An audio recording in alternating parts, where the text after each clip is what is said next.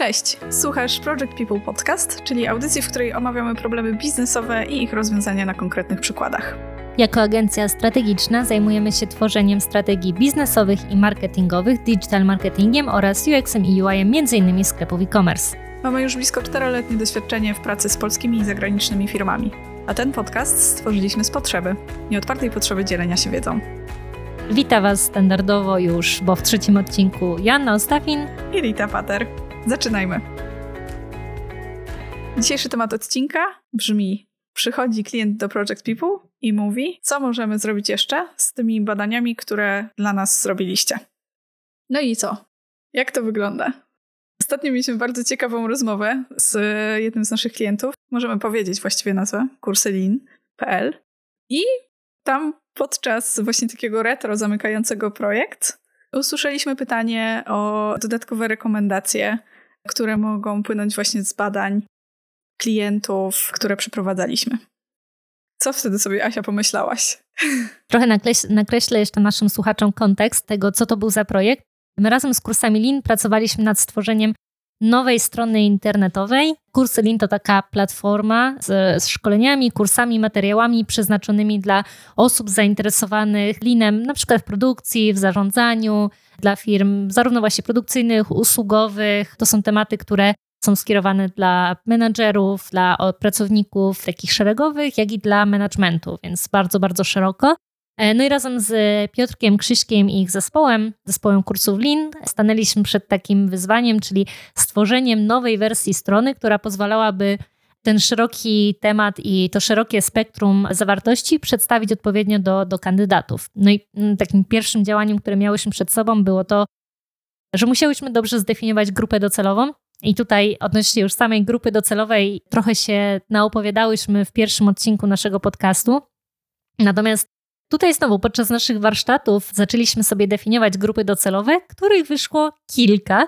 Na czucie już wiedzieliśmy, że trochę za dużo, natomiast no, to były grupy, które sobie zmapowaliśmy, bo wiedzieliśmy, że mamy dla nich odpowiednie odpowiednie materiały. Natomiast, jak już wiemy, e, dobrze jest mieć e, tę grupę bardziej zdefiniowaną, nieco węższą. No i naszym zadaniem na start było ją dobrze zdefiniować, dobrze scharakteryzować, po to, żeby zarówno zawartość w przyszłości, jak i tą stronę internetową dopasować pod jej potrzeby trochę jak już zrobiłam to tło e, do tego, co ty Rita mówiłaś, no to standardowo, tworząc nową stronę internetową, no i badając i definiując tą grupę docelową, rozpoczęliśmy od analizy tego tak naprawdę, co wiedzieliśmy już, bo kursy istnieją już trochę lat na rynku, więc zanalizowaliśmy wiedzę, którą mieliśmy, a Krzysiek z Piotrkiem mają naprawdę ogrom, ogrom wiedzy na temat swojego biznesu. Zresztą pracują z Linem, więc cały czas testują, analizują, testują, analizują i robią masę eksperymentów. Więc my też zanalizowaliśmy z nimi tą wiedzę pod kątem właśnie grupy docelowej, po to, żeby wyciągnąć jakieś wstępne hipotezy do do modelu biznesowego i tej nowej zaktualizowanej strony. Stronę będziecie mogli oglądać pod adresem kursyLin.pl. To, to jest jakby wynik naszej pracy. Natomiast to, co się zadziewało w trakcie, no to była masa różnych analiz, badań, zarówno tych B2B, jak i B2C, czyli to były badania zarówno tej oferty, która była skierowana do użytkownika takiego indywidualnego, który kupuje sobie konkretny kurs, jak i do użytkownika biznesowego, czyli dla organizacji, które kupują dostęp do platformy Kurslin dla wielu swoich pracowników. Więc tam była masa, masa badań, masa wiedzy, którą zebrałyśmy. No i rozmawiałyśmy właśnie podczas, podczas takiego podsumowania i podczas retro z, z Krzyśkiem i z Piotrkiem na temat tego, że kurczę, szkoda by było, żeby ta cała wiedza, którą pozyskaliśmy przy tworzeniu strony internetowej, no jakby zmarnowała się, nie? bo to jest, to jest niesamowicie dużo materiału, który można wykorzystać nie tylko przy tworzeniu strony. I ja myślę, że to jest taka najważniejsza rzecz, o której trochę Wam dzisiaj opowiemy, mm, a którą my gdzieś tam zgłębialiśmy właśnie przy tym projekcie, czyli o tym, że tą wiedzę, którą pozyskujemy przy okazji jednego projektu, warto jest reużywać w kontekście naszego biznesu do kolejnych nas, następnych inicjatyw, do dopasowania lepszego marketingu itd., tak itd. Tak no i wracając do tego, bo zapytałaś e, się mnie, co mnie najbardziej zaskoczyło. A ja tak najpierw zrobiłam duże tło, a, a teraz, a nie odpowiedziałam w zasadzie na to. Tak jak wspomniałaś, właśnie powstało nam masa, masa rekomendacji, no i my na bieżąco jakby podrzucaliśmy te rekomendacje, bo też to, co mamy w zwyczaju, no to to, że tą wiedzę, którą pozyskujemy w, w trakcie każdego sprintu, czyli każdego tygodnia, e, to staramy się na bieżąco podrzucać naszym klientom. Podobnie było tutaj. Natomiast no, po kilku tygodniach takiej pracy, gdzie no, nad stroną pracowaliśmy przez prawie trzy miesiące, e, łącznie z badaniami, no tej wiedzy było tak dużo, że ona pod koniec projektu już zaczęła się gubić, bo te rekomendacje były dostarczane przez cały czas. Więc jak mamy tyle tygodni pracy, tyle tygodni słyszenia informacji, no to ciężko jest priorytetyzować. E, więc to, przed czym my stanęłyśmy i co też dla nas było takim fajnym feedbackiem, no to właśnie to, że to na zakończenie tego projektu fajnie byłoby to podsumować, jakby skondensować te wszystkie rekomendacje w formie no, takich trochę kroków, takich naszych e, wskazówek, co warto byłoby zrobić, czyli jak wykorzystać tą wiedzę nie tylko przy samej stronie internetowej. Nie? Więc zaaplikowaliśmy szybko ten feedback, który dostaliśmy i postaraliśmy się przygotować już na kolejny dzień takie bardziej wyselekcjonowane te rekomendacje, bo faktycznie jak zerknęliśmy na to, ile powstało podczas całej naszej współpracy, to no, nie sposób było wprowadzać tego wszystkiego na bieżąco, więc wybraliśmy te, których nie udało się jeszcze zrealizować i według klucza tego, jak bardzo mają wpływ na model biznesowy i na potencjalne przychody, posegregowaliśmy je dla klienta i przedstawiliśmy zespołowi kursów Lean po to, żeby jako wyniku naszej pracy poza samą stroną, poza tym, że dostali grupę docelową i tą personę, która już jest taka właściwa, to żeby dostali również te rekomendacje. No i te rekomendacje bardzo mocno opierały się na tych wywiadach, które teoretycznie były robione pod grupę docelową. Natomiast no jakby to, to była masa, masa ważnych informacji, która wpływała na model biznesowy, no i na potencjalne przychody. Nie? O, zdecydowanie. Ja pamiętam, bo ja przeprowadzałam też te wywiady tam było mnóstwo właśnie takich wskazówek też na przyszłość, rozwojowych dla biznesu, e, bo rozmawialiśmy z osobami, które mm, były i mniej doświadczone, ale też z takimi, które były niesamowicie doświadczone i, i po prostu to było niesamowicie pomocne i no, szkoda byłoby nie skorzystać z tych e, głosów. A powiedz mi, Asia, tak historycznie z Twojego doświadczenia, widzisz jakąś taką prawidłowość, że są jakieś obszary, na które można przekładać wyniki badań z klientami, mimo że nawet, tak jak powiedziałaś, badaliśmy tutaj grupy docelowe, no to absolutnie można było to przełożyć na różne obszary. Mogłabyś podzielić się, jak ty widzisz to? Na co można przekładać wyniki badań, to ja bym powiedziała, że na wszystkie aspekty modelu biznesowego de facto. Bo takie badania dostarczają masę różnych informacji, e, zarówno na temat tego, kim jest nasza grupa, żeby ją doprecyzować, ale również jakie mają problemy, co jest tak naprawdę dla nich wartością, jakimi kanałami możemy do nich dotrzeć, jaki sposób komunikatów do nich też w ogóle dociera, jak oni nazywają swoje problemy, czyli jakiego języka do tego używają, nie? Jak, jakie są potencjalne rozwiązania inne, z których korzystają, jakieś istniejące alternatywy. Bardzo często klienci podczas takich badań podrzucają nam też e, na przykład pomysły w ogóle co do cennika czy sposobu rozliczania, bo to był nasz przypadek również z kursami Lean, gdzie podczas wywiadów, które dotyczyły teoretycznie strony internetowej, my dostawaliśmy masę rekomendacji na temat tego, jak mógłby wyglądać cennik, co też pokazuje siłę marki i społeczności, którą kursy Lean mają wokół siebie i wokół swojego projektu, bo ci ludzie, z którymi my mieliśmy okazję rozmawiać, byli naprawdę niesamowicie zaangażowani.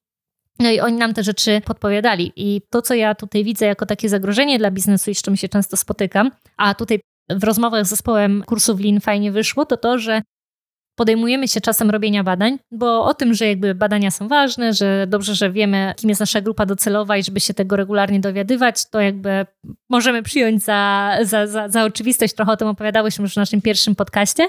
Natomiast teraz idąc już krok dalej, robimy te badania i bardzo często analiza jakby z tych badań jest tylko wiedzy osób, które albo te badania robiły, albo bezpośrednich interesariuszy danego projektu, dla których te badania były robione. Czyli na przykład robimy nową stronę, teraz już nie mówię o kursach, tylko w ogóle, robimy nową stronę i na przykład tylko osoby, które akurat były w projekcie tej nowej strony, dowiadują się o wynikach tych badań. A często te badania jesteśmy w stanie reużywać tej wiedzy z tych badań e, w innych segmentach naszego modelu biznesowego, nie? bo dowiadujemy się na przykład czegoś o marketingu, a bezpośrednio osoby z marketingu by nie pracowały na przykład przy stronie, albo dowiadujemy się czegoś o obsłudze klienta, albo o modelu biznesowym i tak dalej, i tak dalej. Więc to zagrożenie, które ja widzę, to to, że Fajnie, że robimy badania, ale drugie, zastanówmy się, jak maksymalnie możemy wykorzystać tą wiedzę z badań do tego, żeby zaaplikować ją do różnych innych części modelu biznesowego. Mhm. Dla, dla badających i właściwie ludzi, którzy mają wgląd właśnie w te rekomendacje, takie, taki mocny wgląd, może to, to się okazywać super oczywiste, no nie? Y, nie wiem, dla mnie to było y, na przykład zaskakujące, że no przecież, no rekomendacje, no nie? że przecież, no przecież pisaliśmy te rekomendacje. A fajnie właśnie złożyć na koniec w jednym miejscu, pokazać i e, jakie mają przełożenie na biznes. No i jakby posegregować według, nie wiem, ważności, czy tego, co wy tam wybraliście. I e, wtedy to ma niesamowitą wartość. I dla mnie po prostu do, tamtej, do tamtego momentu, kiedy to usłyszałam, że no, ale właściwie na co to można jeszcze przełożyć, to było takie, no ale przecież wiadomo to jest, to nie? No więc w momencie, jak usłyszałam e, jakby ten temat, że, że ten temat zaczął się pojawiać, to było dla mnie takie super oczywiste. A w momencie, kiedy byłabym pewnie po drugiej stronie, kiedy ktoś dla mnie wykonywałby te badania, e, no to też pewnie bym zadała to samo pytanie. Więc to było super takie dla mnie otwierające oczy to, co mówisz, wczuwając się w, w, buty naszych klientów, czy w osób, dla których te badania są często robione lub które są ich odbiorcami, e, to często sobie ciężko jest przełożyć to na inne elementy naszego biznesu, gdzie możemy to użyć. E, no ja myślę, że to, co gdzieś tam zrobiliśmy, było całkiem wartościowe, właśnie, że przygotowaliśmy te rekomendacje. Zresztą Krzysiek później podzielił się z nami feedbackiem, że fajna robota i że tego się nie spodziewał i tak szybko, więc chyba poszło całkiem fajnie. No a z naszej perspektywy to de facto było po prostu spriorytetyzowanie tego, co i tak spisywaliśmy przez cały czas. Nie? No właśnie, no to, to tak krótko trwało i to złożenie tego wszystkiego, po prostu to zostało przekopiowane z tego. Tak pracujemy też, no nie? Że, że mamy dokument, w którym jest podsumowanie całego projektu i cała historia, można sobie przeskrolować tam. Akurat nawet pamiętam, jak ja pracowałam na początku właśnie z tobą nad tym projektem. Potem wchodził Paweł już z taką realizacją UX-owo-designerską. No i dla mnie to było takie, kurczę, y, ty powiedziałaś, że ile miałyśmy tych stron? Y, chyba z 30 na tym etapie, kiedy ja, kiedy ja jeszcze byłam. A to był dopiero taki początek tej, tej współpracy, więc czasami faktycznie może się zgubić ta rekomendacja i, no i warto faktycznie po nią sięgnąć, no nie? Tam na samym końcu, żeby utrzymać jakąś fajną relację choćby z klientem i utrzymać tą komunikację, że zawsze można coś więcej zrobić wspólnie. Plus ja myślę, że ważna jest ta część, żeby pamiętać o tym, że te badania to nie są robione tylko pod ten jeden projekt, tylko że te badania możemy reużywać wiedzę z tych badań możemy reużywać. Nie? To jest tak, że my już to wiemy, więc jak będziemy teraz siadali do tego, żeby zrobić nową strategię marketingową albo popracować nad kanałami, sposobem komunikacji z klientami, no to nie musimy robić de facto tej samej pracy, bo my już tą wiedzę pozyskaliśmy, więc to jest ogromny, ogromny zasób, który dostaje się a często jest trochę nieuświadomiony w momencie, jak jesteśmy osobami, które powiedzmy zamawiają stronę. To też wydaje mi się jest ciekawa perspektywa. Przychodzisz do agencji, zespołu, freelancera tutaj dowolnie, no i e, chcesz stronę internetową. No i ktoś powinien zrobić, e, robić jakieś badania pod tą stronę, żeby zdefiniować grupę docelową, jej problemy, zrobić sobie tą personę. No i jakby ty dostajesz na końcu tą stronę internetową, się cieszysz i tutaj się kończy projekt dla ciebie. A jakby bardzo ważne jest to, wydaje mi się, ten aspekt, żeby pamiętać o tym, że Zrobiliśmy tyle rzeczy wcześniej, które tak naprawdę pozwoliły nam zgłębić i lepiej zrozumieć naszego użytkownika. Więc użyjmy tej wiedzy, zastanówmy się, ok, mamy już stronę, to co możemy, do czego możemy jeszcze tą wiedzę użyć? Na przykład mogliśmy się dowiedzieć w trakcie pracy, że wszyscy nasi klienci dowiadywali się o stronie internetowej z grupy na Facebooku fajnie, no to pójdźmy do tej grupy i starajmy się być bardziej aktywni, będziemy mieli więcej klientów. No i teoretycznie to jest badanie pod stronę internetową, natomiast warto pamiętać, że ten produkt, który dostajemy od zespołu, który robi tą stronę internetową, to nie jest sama ta strona, to nie jest ten sam design, tylko to są właśnie na przykład podsumowanie tych badań, które ty możesz użyć do bardzo wielu różnych innych aspektów swojego biznesu. Więc to jest taka ważna rzecz. Czy było coś, co ciebie zaskoczyło w tym projekcie? E, Ciebie chyba już nic nie zaskoczy, Asia.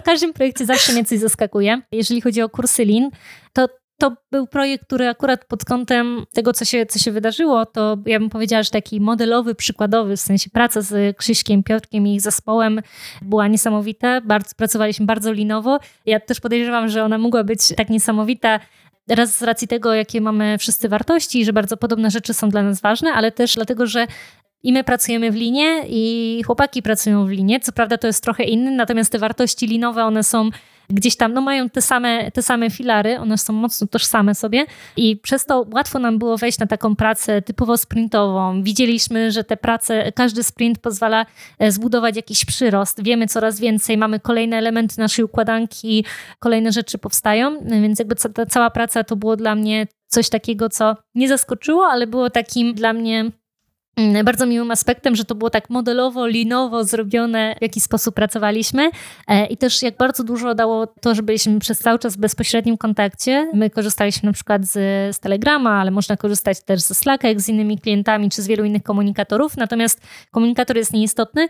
Ważne było to, że podczas tego codziennego kontaktu my teoretycznie pracowaliśmy nad stroną, ale właśnie jak pojawiały się informacje dotyczące odbioru promocji przez klientów, albo na przykład w jaki sposób można by było zmienić zmienić pakiety na stronie, to mogliśmy o tym rozmawiać na bieżąco. I znowu to jest ta dodatkowa wartość, którą udało nam się dać, więc jakby to są rzeczy, z których ja bardziej jestem dumna, może nie zaskoczenia, natomiast powiedziałabym, że to jest takie bardzo, bardzo modelowe. Tak, mnie również się bardzo podobała ta komunikacja. Wiadomo, jestem fanką komunikacji. To było super, że niektóre aspekty omawialiśmy właśnie na tym telegramie, gdzie właściwie nawet czasami mogłoby to być, nie wiem, 15 minut dzwonki jakieś na Skype'ie, a tutaj właśnie dyskusja była zażarta na tym telegramie czasami. I to było super, bo zawsze można sobie do tego wrócić i poszukać tych argumentów. Można sobie przypomnieć, że a, to przecież tutaj rozmawialiśmy na ten temat i tutaj e, to sobie e, jeszcze przeskroluję, bo tam były fajne argumenty, no nie? Też mi się bardzo, bardzo podobała ta incepcja linu, którą sobie za, e, zafundowaliśmy i bardzo sprawnie się z nimi pracowało. Bardzo fajnie się pracowało z tą ekipą.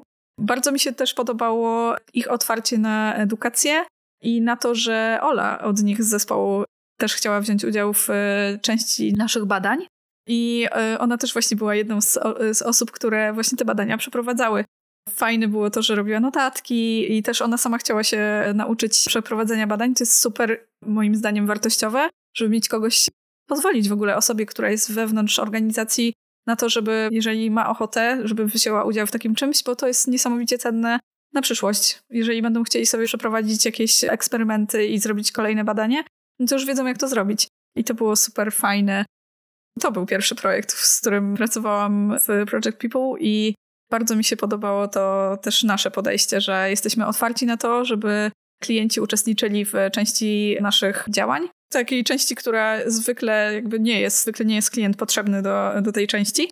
No bo to jest kurczę mega edukujące, no nie? I to jest takie też właśnie pozwalające klientowi na to, żeby usamodzielnił się po zakończeniu pracy, żeby nie był po prostu zupełnie bezradny po tym, jak oddamy projekt, tylko żeby też mógł samodzielnie postępować ze swoim biznesem i bardzo świadomie.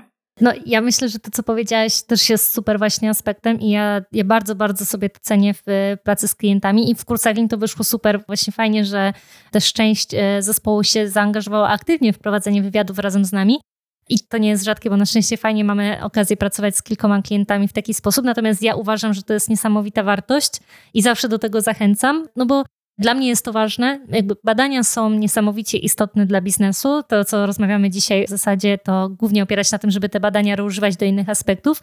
A żeby je reużywać, to ja jestem zwolenniczką, zresztą to jest podstawą linii UX-u, do tego, żeby jak najwięcej osób z zespołu przeprowadzało te badania. Taka empatyzacja i rozumienie tego, kim jest nasz użytkownik, jest niesamowicie istotna i daje ogromną wiedzę na temat tego, w jaki sposób oni myślą i też niesamowicie dużo inspiracji. Dlatego fajnie jest, jeżeli nasi klienci chcą się angażować, te badanie również przeprowadzać, bo raz uczą się tego, bo mogą pracować z nami, więc na bieżąco my im możemy też dawać feedback, co warto byłoby poprawić albo jak mogliby ulepszyć swoje rozmowy z klientami. Dzięki temu nawet jak my skończymy wspólny projekt, to oni są w stanie to kontynuować samodzielnie. Ale też drugi aspekt, czyli taki, że nie wiedzą o swoich klientach tylko i wyłącznie z naszych materiałów czy z raportów, ale tego, że faktycznie doświadczyli tego kontaktu. Ja w ilu projektach nie pracowałam, gdzie klienci tego doświadczali. Tak zawsze, zawsze to się kończyło takim wow, nie spodziewaliśmy się, że ci ludzie tak myślą, że ci ludzie tak robią. I ja pamiętam, jak wiele lat temu zaczynałam pracę w Linuxie i to byłoby powiedzmy, nie wiem, w okolicy 10 lat temu powiedzmy, kiedy bardzo popularne wtedy było robienie fokusów takich typowych fokusowniach, czyli wiecie, to jest tak, że siedzi sobie grupa ludzi, jest w środku badacz, jest lustro weneckie, a osoby za tym lustrem weneckim siedzą, robią zdjęcia i obserwują. Jestem bardzo dużą przeciwniczką akurat takich typowych fokusów i fokusowni, bo uważam, że jakby kiedyś to był standard badań, no i robiło się i zapraszało się klienta, żeby stał za tym lustrem weneckim i oglądał, co ci ludzie będą jakby mówić na tematy związane z jego produktem, na tematy tych potrzeb, które się pojawiają. I to dla klienta było takie wtedy, wow, rozumiem, jak oni mówią, i to już było duże osiągnięcie. Natomiast ja uważam, że teraz jesteśmy kilka kroków dalej, kiedy tak naprawdę możemy zaangażować naszego klienta nie tylko do tego, żeby obserwował, jak są te wywiady, to już jest super i daje dużą wartość, ale fajnie, jeżeli jako twórcy biznesów sami chcą się zaangażować i prowadzić te wywiady razem z nami, żeby wchodzić w bezpośrednią interakcję. Ja jestem wielką fanką takiego podejścia, to jest się mocno wiąże ze startupami. Jakby każdy założyciel biznesu powinien mieć bezpośredni kontakt ze swoimi klientami, nawet dla takiego powiedzmy zdrowia swojego biznesu. Wiadomo, że to jest ciężko, żeby na co dzień się tym zajmować w momencie, jak prowadzisz kilkudziesięcioset tysięcznoosobową firmę, żeby na co dzień być, pracować w obsłudze klienta. Natomiast bardzo mi się podoba na przykład podejście Michała Sadowskiego z Brand24, który opowiadał o tym często podczas swoich wystąpień, że właśnie co jakiś czas regularnie sam odpowiada na przykład na czacie i rozmawia z klientami, dzwoni, kontaktuje się z nimi, po to, żeby nie zatracić tego kontaktu. I to jest podejście, które jest mi niesamowicie bliskie, bo to tak naprawdę uważam pozwala nam rozwijać biznes w dobrym kierunku. A to jak się zamkniemy i oddzielimy i później mamy tylko ludzi do robienia robienia badań, to tak naprawdę no, z miesiąca na miesiąc buduje nam coraz większą barierę. Więc ja uważam, że o tych badaniach to raz, że powinno się je używać, a dwa, że dobrze jest dla takiej higieny biznesu co jakiś czas samemu wziąć w nim udział, więc tym bardziej się cieszę, jak tutaj jest taka sytuacja jak w kursach, że mogliśmy pracować ramię w ramię razem z zespołem, bo to jest też tak mocno zgodne z moją filozofią. Tak, tak. I właśnie, właściwie ja też e, sobie pomyślałam o takim aspekcie, który też wspomniałam w pierwszym naszym podcaście, o tym, że zaczynając rozmawiać z klientami, tak naprawdę jesteśmy ich bliżej, jesteśmy bliżej ich potrzeb, jesteśmy bliżej ich problemów i jesteśmy bliżej tego, co jest dla nich ważne e, w naszym produkcie. I kurczę, no to jest, to jest super wartość. I w momencie, kiedy ktoś tego spróbuje raz, no to chce tego więcej, bo widzi, że to nie jest takie straszne, żeby się z tym klientem skontaktować i kurczę, no po drugiej stronie są ludzie. Rita, jakbyś miała podsumować lekcja dla naszych słuchaczy z tego projektu? O kurczę. Trzeci raz powiedziałam kurczę, to dlatego, że niedawno była Wielkanoc. Proszę, wytnijmy to. A miał być suchar na koniec. No warto robić te badania, warto ich używać ponownie, tych wyników tych badań. No i wyniki tych badań można implementować w różne obszary naszego biznesu. Ja już powiedziałam, co mnie, co mnie bardzo pozytywnie zaskoczyło i myślę, że ta jakby cała wiadomość, która płynie, płynie stamtąd, z, z tego, żeby faktycznie angażować się w nawet jeżeli pracujemy z jakąś agencją badawczą czy firmą, która nam przeprowadza badania, warto jest samemu też zaangażować się w jakiś sposób, bo to nas przybliży do klientów.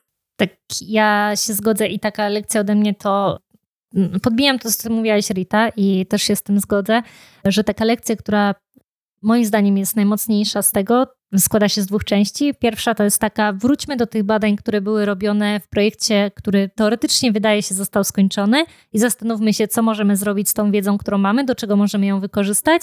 A dwa, jeżeli jesteśmy założycielami, twórcami biznesów, product ownerami, menadżerami i nie mamy styczności na co dzień z naszymi klientami, to miejmy, e, postarajmy się wygospodarować raz w miesiącu, nawet godzinę na to, żeby e, porozmawiać z nimi, żeby właśnie usiąść na tak zwanym saporcie jakimś, na kanale, na mailu, na jakimś czacie, albo żeby przeprowadzić jakieś wywiady, badania, tak żeby nie odseparowywać się od tego zespołu, od tych ludzi, którzy na co dzień pracują z tymi klientami, e, żeby trzymać dobry kierunek naszego biznesu. Dokładnie. Dzięki, Asia. Jeżeli będziecie mieć jakieś pytania, to oczywiście możecie się do nas odezwać, czy to indywidualnie, czy, czy na naszych jakichś kanałach na, na Facebooku, czy to na Instagramie. Jesteśmy praktycznie wszędzie jako Project People, ale też jako indywidualne osoby. Nawet w Twojej lodówce. Czyli jednak mamy tego suchara na koniec. Tak, jeżeli byście chcieli porozmawiać na temat badań, na temat tego, jak to u Was jest, może chcielibyście przeanalizować te badania, które już mieliście przeprowadzone i chcielibyście, żeby spojrzeć na nie jeszcze raz z innej perspektywy, zapraszamy jak najbardziej. Zapraszamy na nasz profil na LinkedIn, zapraszamy na wszystkie nasze kanały. Pozostańmy w kontakcie. Dzięki. Dzięki.